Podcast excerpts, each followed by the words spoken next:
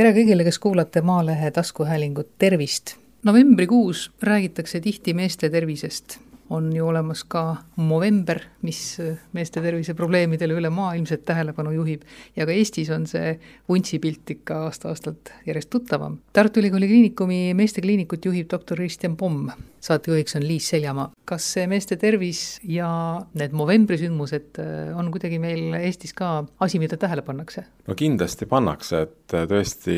november on juba päris mitu aastat selline kuu, kus mehed võib-olla rohkem oma tervisele mõtlevad, et õnneks me näeme küll aina rohkem ka seda, et see ei piirdu ühe kuuga, et tegelikult ju tervisele mõelda ja õigesti oma tervist hoida tuleks ikka aastaringselt, mitte piirduda, et ühe kuuga või ühe päevaga aastas. nii see tervis hea ja korras ei püsi. aga tõesti, sellised nii-öelda rahvaalgatused või erinevad äh, institutsioonide poolt ellu kutsutud projektid, mis panevad inimesi oma tervise üle mõtlema, vajadusel ka arsti juurde pöörduma, on igal juhul teretulnud. suvel äratas tegelikult päris palju tähelepanu uuring, õigemini selle tulemused, mis ütlesid, et mehed ise arvavad, et nende tervis on tegelikult täitsa okei okay.. aga uuringu järgi tuleb välja, et pooled on ülekaalulised, kolmandik on rasvunud ja ainult veerandil on siis kehakaaluga kõik korras. see fakt iseenesest juba näitab, et inimesed väga ei oskagi ise oma tervist võib-olla hinnata või? nii see tõesti on, et paljud sellised võib-olla tervist iseloomustavad parameetrid ju kohe endast märku ei anna, et ega ülekaal näiteks ka ei tekita kohe inimesele kaebusi, võib-olla kui see on pikaajaline nii-öelda tervisemure,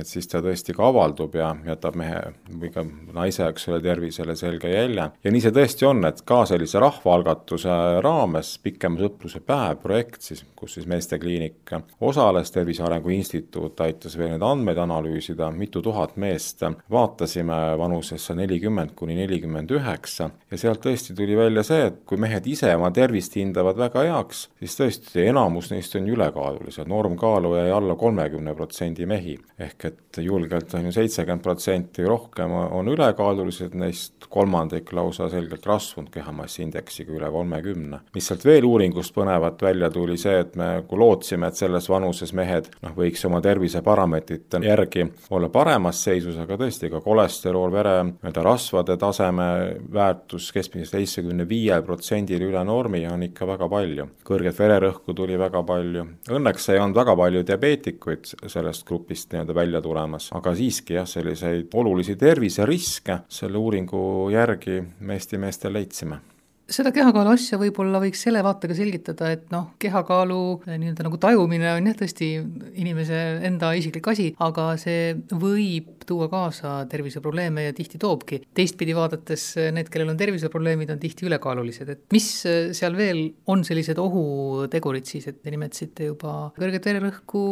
diabeet kindlasti käib sinna alla, aga see suurenev kehakaal avab ukse veel paljudele tõbedele nii see tõesti on ja kui mõelda nüüd mehe nii-öelda tervisespetsiifiliselt või mehe elukvaliteedi ja heaolu mõttes, mis võib-olla kõige rohkem ka kõnetab meest ennast, tõesti on ju ülekaal väga selge erektsioonihäirete üks tekkerisk. Ja samamoodi me teame seda, et et ülekaalulistel meestel ikkagi võib, eks ole, suurema tõenäosuse tekkida ka meessuguhormooni vaevus, hüpogonadism, testosterooni puudus, mis omakorda väljendub sellena, et tõesti sellist tahteaktiivsust on vähem, jaksu nii füüsilises kui vaimses mõttes jääb, jääb vähemaks, langeb suguiha, langeb üldine vastupidamine, üldine kehvem enesetunne, et see ilmselgelt mehe elu väga palju võib mõjutada. loomulikult ei teki kõigil ülekaalulistel neid muresid, aga siiski väga sageli on see üheks üheks selliseks oluliseks nii-öelda terviseriski asjaoluks no see, mida te nimetasite, see on ka niisugune asi, mis mehed ikka sihimas arvavad, nad on ikka mehed, siis neil nende asjadega on nagu korras kõik. Jah, kahjuks on täpselt nagu vastupidi, et ka mitte äärmuslik vastupidi, et parem on saada kuidagi alakaalu ja ennast näljutada ja saada võimalikult väike kehakaal, et see kindlasti pole eesmärk, et see ka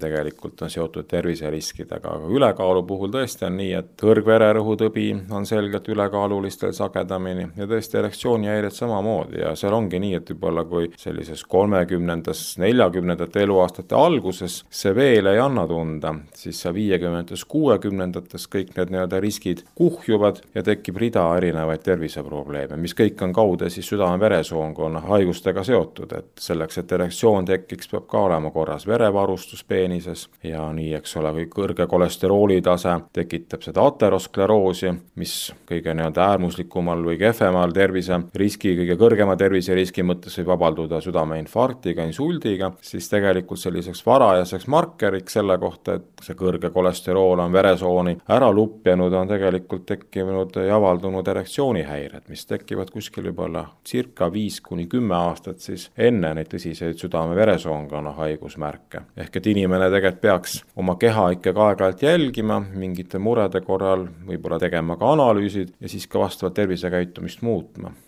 kui aga mehed tulevad arsti juurde, millega nad tulevad siis, mis kaebused neil peamiselt on, ongi needsamad äh, erektsioonihäired, ütleme niisugused asjad, mis avaldavad mõju allapoole vööd? Kui rääkida nii-öelda meestearsti tööst, siis tõesti ühe suure osa moodustavad erinevad seksuaalhäired, millega mehed meie juurde tulevad, on need siis kas erektsioonihäired, mida võib olla ka noortel meestel, et ega ka selline nii-öelda sooritusärevus uue partneriga suhte alguses võib olla üks erektsiooni niisugune ajutine halvav tegur ja, ja noh, vanematel meestel ta reeglina on ikkagi kas elustiili või südame-veresoonkonna haiguste või ka närvisüsteemi haigustega seotud lugu. lisaks seemnepurske häired, mida on ka väga sageli, lisaks lisaks siis nendele nii-öelda seksuaalhäiretele moodustab suure osa meestearsti tööst ka meeste viljatuse nii-öelda probleemidega tegelemine, erinevad urineerimishäired, eesnäärmega seotud haigused ja mingi osa veel ka erinevad põletikud kusesuguteedes, ka eesnahapõletikud, sugulistel teel levivate infektsioonide ravimine, nii et see ampluaa on tõesti väga lai ja ulatub väga noortest meestest kuni kõrges eas meesteni välja aga need ülevalt poolt äh, vöökohta probleemid, noh, ütleme enamasti need on ka sellised südame-veresoonkonna haigustega seotud äh, asjad, kui tihti te oma patsiente noh, nagu sinna suunate, et olete siin minu juures ja et aga, et need asjad on noh, kas siis seotud või et igaks juhuks võiks vaadata ka selle üle väga sageli kuulub sellisesse esmasesse nii-öelda uuringukomplekti juba meestearsti juures, kui tegemist on erektsioonihäirega keskealisel mehel, ka kindlasti vererõhu mõõtmine, kindlasti verest kolesterooli, triiglütseriidide, veresuhkru taseme määramine, meessuguhormooni, testosterooni mõõtmine, et see ravi saaks võimalikult nii-öelda asjalik ja juhul, kui me näeme, et siin läheb vaja kas siis perearsti juurde veel täpsemat suunamist või kardioloogi poole saatmist, siis seda tõesti me mõnel, mõnel juhul ka teeme. Või siis alustame ka mõnel juhul ise ole tõesti sellist ka kõrgvererõhu tõbe ravi, kuna kõrgvererõhu tõbi on siiski selline nii-öelda krooniline haigus tavaliselt, siis pigem võiks selle ravi jääda nii-öelda perearsti teha, meestearst saab olla see võib-olla see esmane suunaja ja ka selgitaja, et miks see ravi siis vajalik on, et tõesti on nii, et kui see vererõhk on kõrge, ega ta ju alguses väga suuri võib-olla selliseid kaebusi ei, ei tekitagi, aga pikalt ravimata jättes on ta ikkagi tõsine terviserisk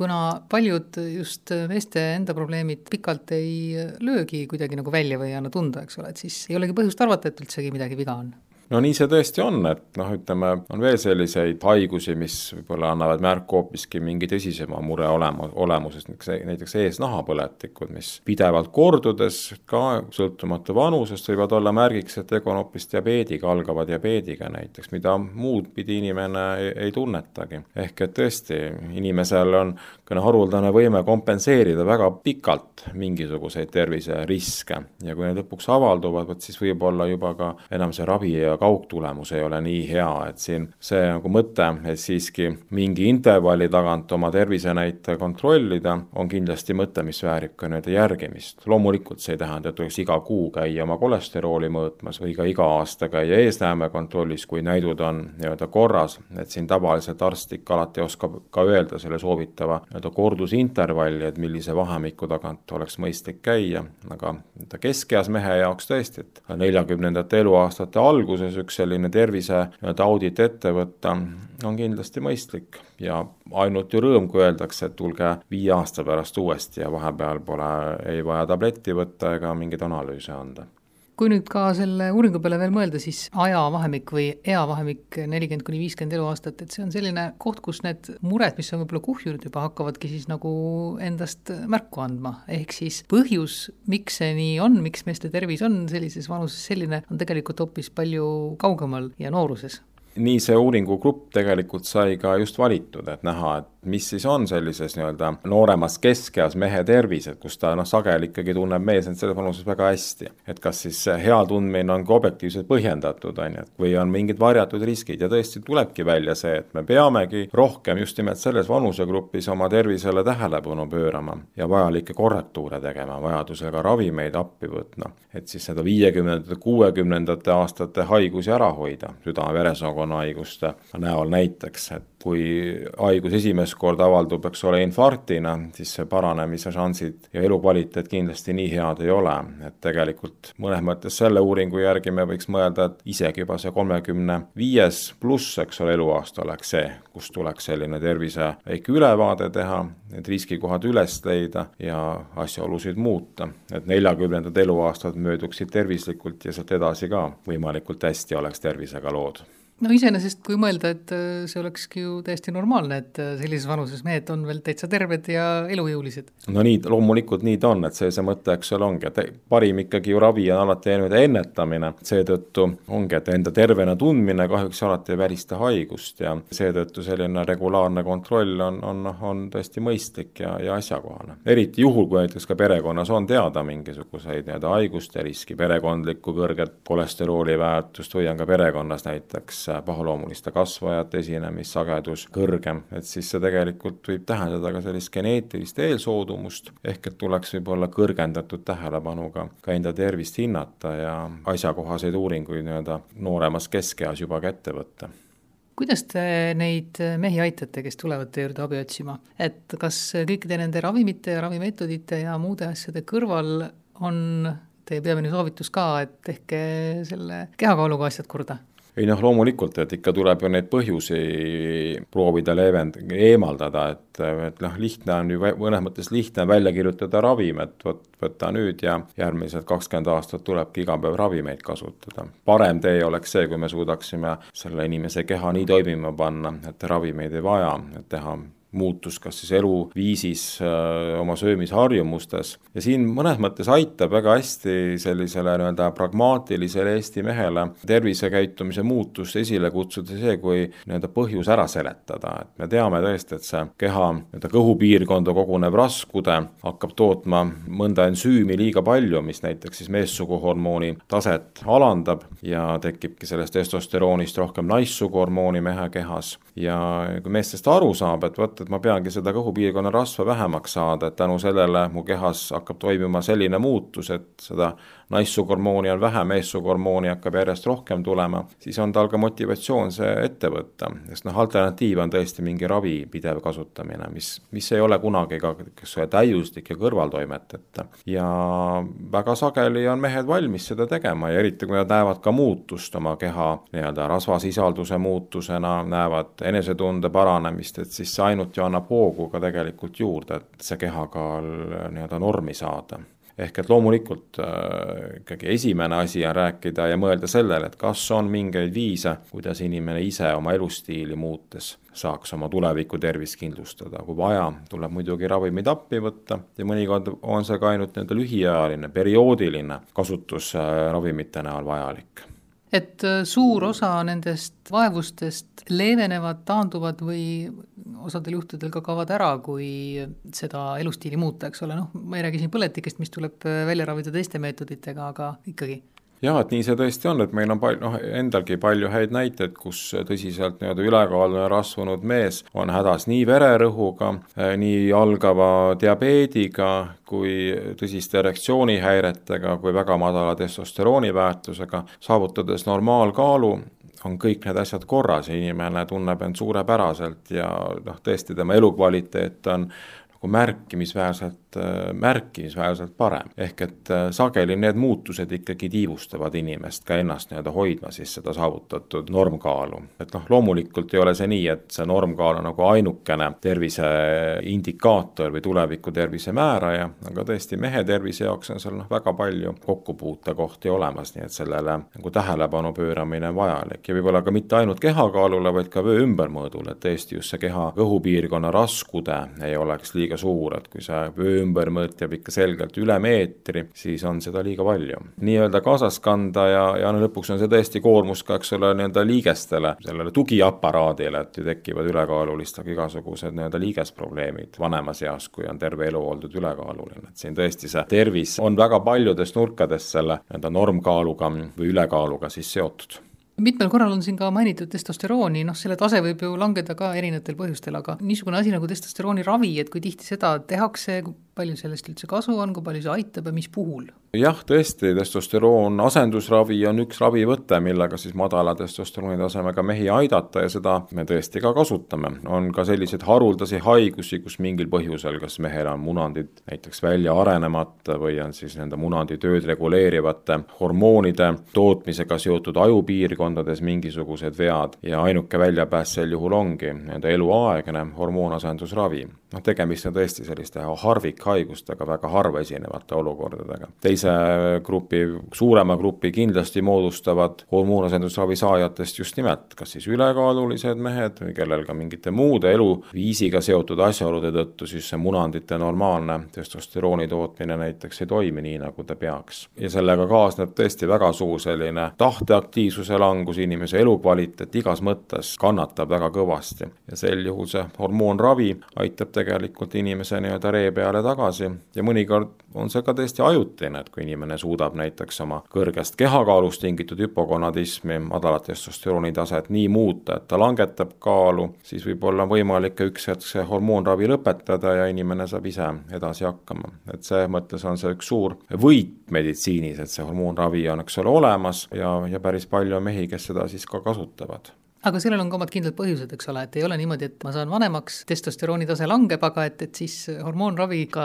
tuleb nagu noorus tagasi jälle jah, see on kahjuks see teine äärmus, et tõesti on kuskilt interneti avarustest ju lihtne leida nii-öelda võlurohtu enda kõikidele eluhädadele, et kui tunned, et kuidagi, kui energiat on vähem, lihas ei, ei taastu enam nii hästi treeningutest või ka selline seksuaalenergiat on vähem, et siis viiteid äh, anaboolsetele steroididele või testosteroonile leiab väga lihtsalt. Ja tõesti, sellist nii-öelda väärkasutust on ka maailmas palju, kus ongi ta nagu elustiili osa, et see on, et no ongi nagu normaalne, et viiekümne või kuuekümne aastane mees peabki testosterooni süstima või mingil muul moel seda testosteroonravi saama, et oma elukvaliteeti hoida, et säilitada sellist igavest noorust. nii me kindlasti ei soovita ja ükski nii-öelda arstide rahvusvaheline ravijuhend ka ei ütle, et olekski selline elustiili osa ja loomulik vananemise osa mehel, et siis mingist vanusest peaks kõik saama hormoonravi, et kindlasti see nii ei ole kui rääkida nendest muredest, mis piltlikult öeldes on inimesel peas, ehk siis vaimsed probleemid, meeleoluhäired võivad ka sinna kuuluda, depressioon ja nii edasi, siis kui palju nendest oma patsientidest on muudele muredele lisaks äh, nende asjadega kimpus? jah, seda kahjuks näeb ka väga palju, et sellise, ütleme, ühiskonnas on mingisugused nii-öelda keerulised ajad, mis tänasel päeval mitmes mõttes ju on, et eks see tekitab inimese stressi, mõnel tekitab see unehäireid, mis omakorda ka tegelikult löövad selle hormoonsüsteemi segamini, tekib ka testosterooni vähesus, näiteks ka puudulikust unest, kui see on eriti, kui see on krooniline unepuudus või väga selline kõikuv ööpäevarütm, et et mingid ööd ollakse öösel tööl, päeval käiakse veel teises kohas natuke tööd tegemas, et siis see ka inimese keha ikkagi kurnab. tagajärjed võivad olla väga mitut laadi, nii hormoonsüsteemi paigast nihkumine kui ka selline vaimse tervise paigast nihkumine. ehk et sellist äh, nii-öelda meeste depressiooni, varjatud sellist ärevust on väga palju, et kahjuks mehed ei ole ka nagu väga altid selliseid nii-öelda hingemuresid äh, avama teistele, et sageli põletakse sisemiselt, et üritatakse kuidagi ise hakkama hakkama saada, oma hirmud, mured maha suruda ja lõpuks need siis tegelikult väljenduvadki ka südamehaigustena, erektsioonihäiretena, muu sellise vaimse nii-öelda raskustundena, ebastabiilsusena. et see on kahjuks väga sage, sage mure meie ühiskonnas ja, ja kahjuks jah, kui Eesti mees on kuidagi ka oma sellises nii-öelda introvertsuses sageli see, kes kohe abi ei otsi või ka ei julge sellest rääkida, aga arstina jällegi meestekliinikus näiteks erektsioonihäirete või nendesamade testosterooni vaegusega patsientide puhul on see noh, vältimatu, et seda vaimse tervise poolt uurida ja vajadusel siis kas siis ka pakkuda nõu, et võib-olla oleks ka vaja psühholoogi või, või ka psühhiaatri abi, ehk et siin tõesti peaks seda inimest võimalikult nii-öelda tervikuna käsitlema, et head ravitulemust ja inimest võimalikult hästi aidata suuta no üks asi see, et minnakse sellisel puhul tõesti võib-olla abi otsima siis, kui surm on silme ees juba, aga et kas seda abi on ka leida, nii palju kui seda vaja oleks, et äh, nagunii meil räägitakse psühhiaatrite vähesusest. jah, eks seda võib mitut pidi võtta, et mõnes mõttes ju kõige parem ravi või noh, ütleme, ütleme ravi, aga ennetus sellele on see, kui inimesel on nii-öelda korras peresuhted, hea selline sotsiaalne võrgustik, tugistruktuur, kus kelle, et oleks inimesi, kellega oma muret jagada ja ka rõõme jagada, et see kindlasti on üks oluline nii-öelda tugisammas, et ennetada igasuguseid vaimse tervise probleeme. kõigil meestel kahjuks see nii ei ole, et ollakse kas üksi, üksi oma muredes ja, või ei taheta või ei julgeta seda jagada. et siin võib-olla peaks tõesti ka ise õppima, olema nii-öelda avatum ja valmis murekohti elus oma lähedaste inimestega jagama ja hoidma neid lähedussuhteid, mis meil elus on ja teistpidi tõesti on nii, et ega psühhiaatri juurde nii-öelda aja, konsultatsiooni aja saamine ei ole alati lihtne, võtab aega ja psühholoogi juurde saamine võib-olla veel keerulisem, et siin kindlasti saaks seda meditsiini ja tervishoiusüsteemi veel nii-öelda arendada ja paremaks muuta, et selline abi oleks lihtsamini kättesaadav no kui vaadata kas või siin kliinikus nii-öelda arstikabineti ukse taha, siis äh, mehi on, et äh, käivad küll, aga mis aitaks kaasa sellele, et nad käiksid ikkagi enne, kui äh, mured algavad, ehk siis tuleksidki kontrollima, et kas kõik on korras, mitte siis, kui juba kindlasti ei ole kõik korras jah, et selles mõttes siin ongi vaja ka sellist riiklikku strateegiat, et mõnes mõttes sellesama pikema sõprusepäeva nii-öelda algatuse raames tehtud uuring nelikümmend kuni nelikümmend üheksa meeste seas peaks andma ka ühe signaali, et mismoodi me siis sellist nii-öelda screening tegevust peaksime Eestis korraldama, et kuidas neid mehi uuringutele ise kutsuma, et kas see on siis perearstisüsteemi kaudu tehtav või peaks võtma meestekliinik selle nii-öelda enda korraldada, et see on see, mis selle uuringu nii-öelda jätkutegevustena on hetkel ka sündimas ja kokku leppimas, sellepärast et see muutus kindlasti ei rakendu kohe ja homme, aga selge on see, et me peame leidma viisi, kuidas mehed oma riskid nii-öelda õiges vanuses üles leiavad. ja siin noh, ei jää muud üle, kui meditsiinisüsteem peab selle nii-öelda lahenduse üheskoos looma. Erinevad arstid ja tervishoiu nii-öelda korraldajad, Haigekassa ja riigi raha, eks ole, jagajad peavad tegema mingi kokkuleppe, et mida me siis teeme, vajadus selgelt on olemas no kas paistab sealt siis seda lahendust ka või vähemalt tahet seda teha ja kas need mehed, kes siis seal uuringus osalesid ja said oma üllatuseks teada, et äh, neil on tervisemured, et kas nemad siis said abi, otsisid abi, tegid midagi? ma arvan, et see tahe on tõesti olemas, võib-olla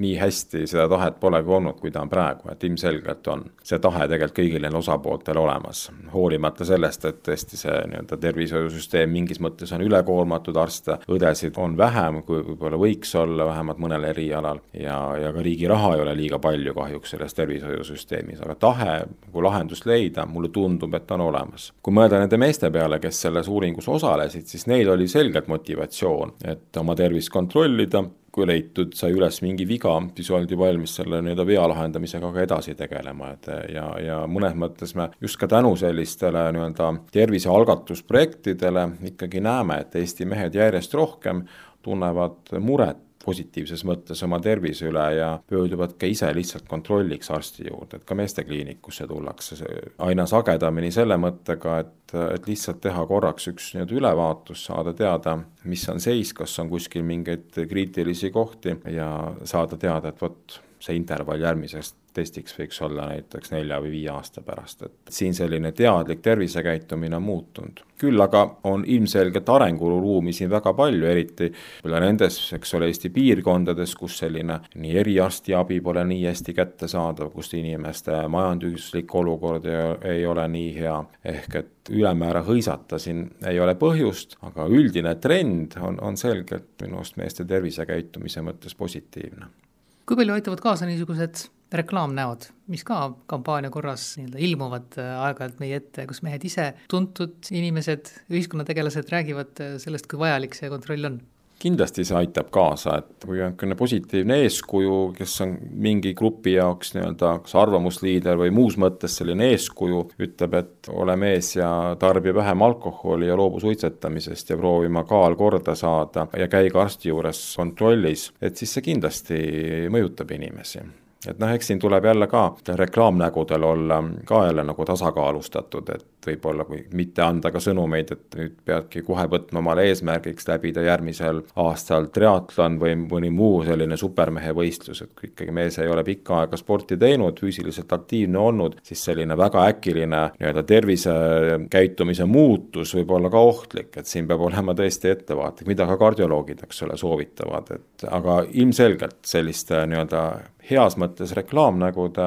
antud niisugused suunised, juhised igal juhul innustavad ja, ja panevad inimesi vähemalt võib-olla korra mõtlema ja osasid kindlasti ka midagi tegema. Aitäh, Kristjan Pomm, tuleb teile soovida siis ettevõtlikke ja oma tervisest hoolivaid mehi, kes tuleksid teie kabineti uksest sisse pigem äh, tervemana kui haigemana. Jah, ja tõesti, et kui meestel on oma tervisemured, siis meestekliinik on see üks see koht, kus me tõesti proovime teha parima, et need erinevad nii mehe tervise spetsiifilistega kui ka üldisemate tervisemuredele aidata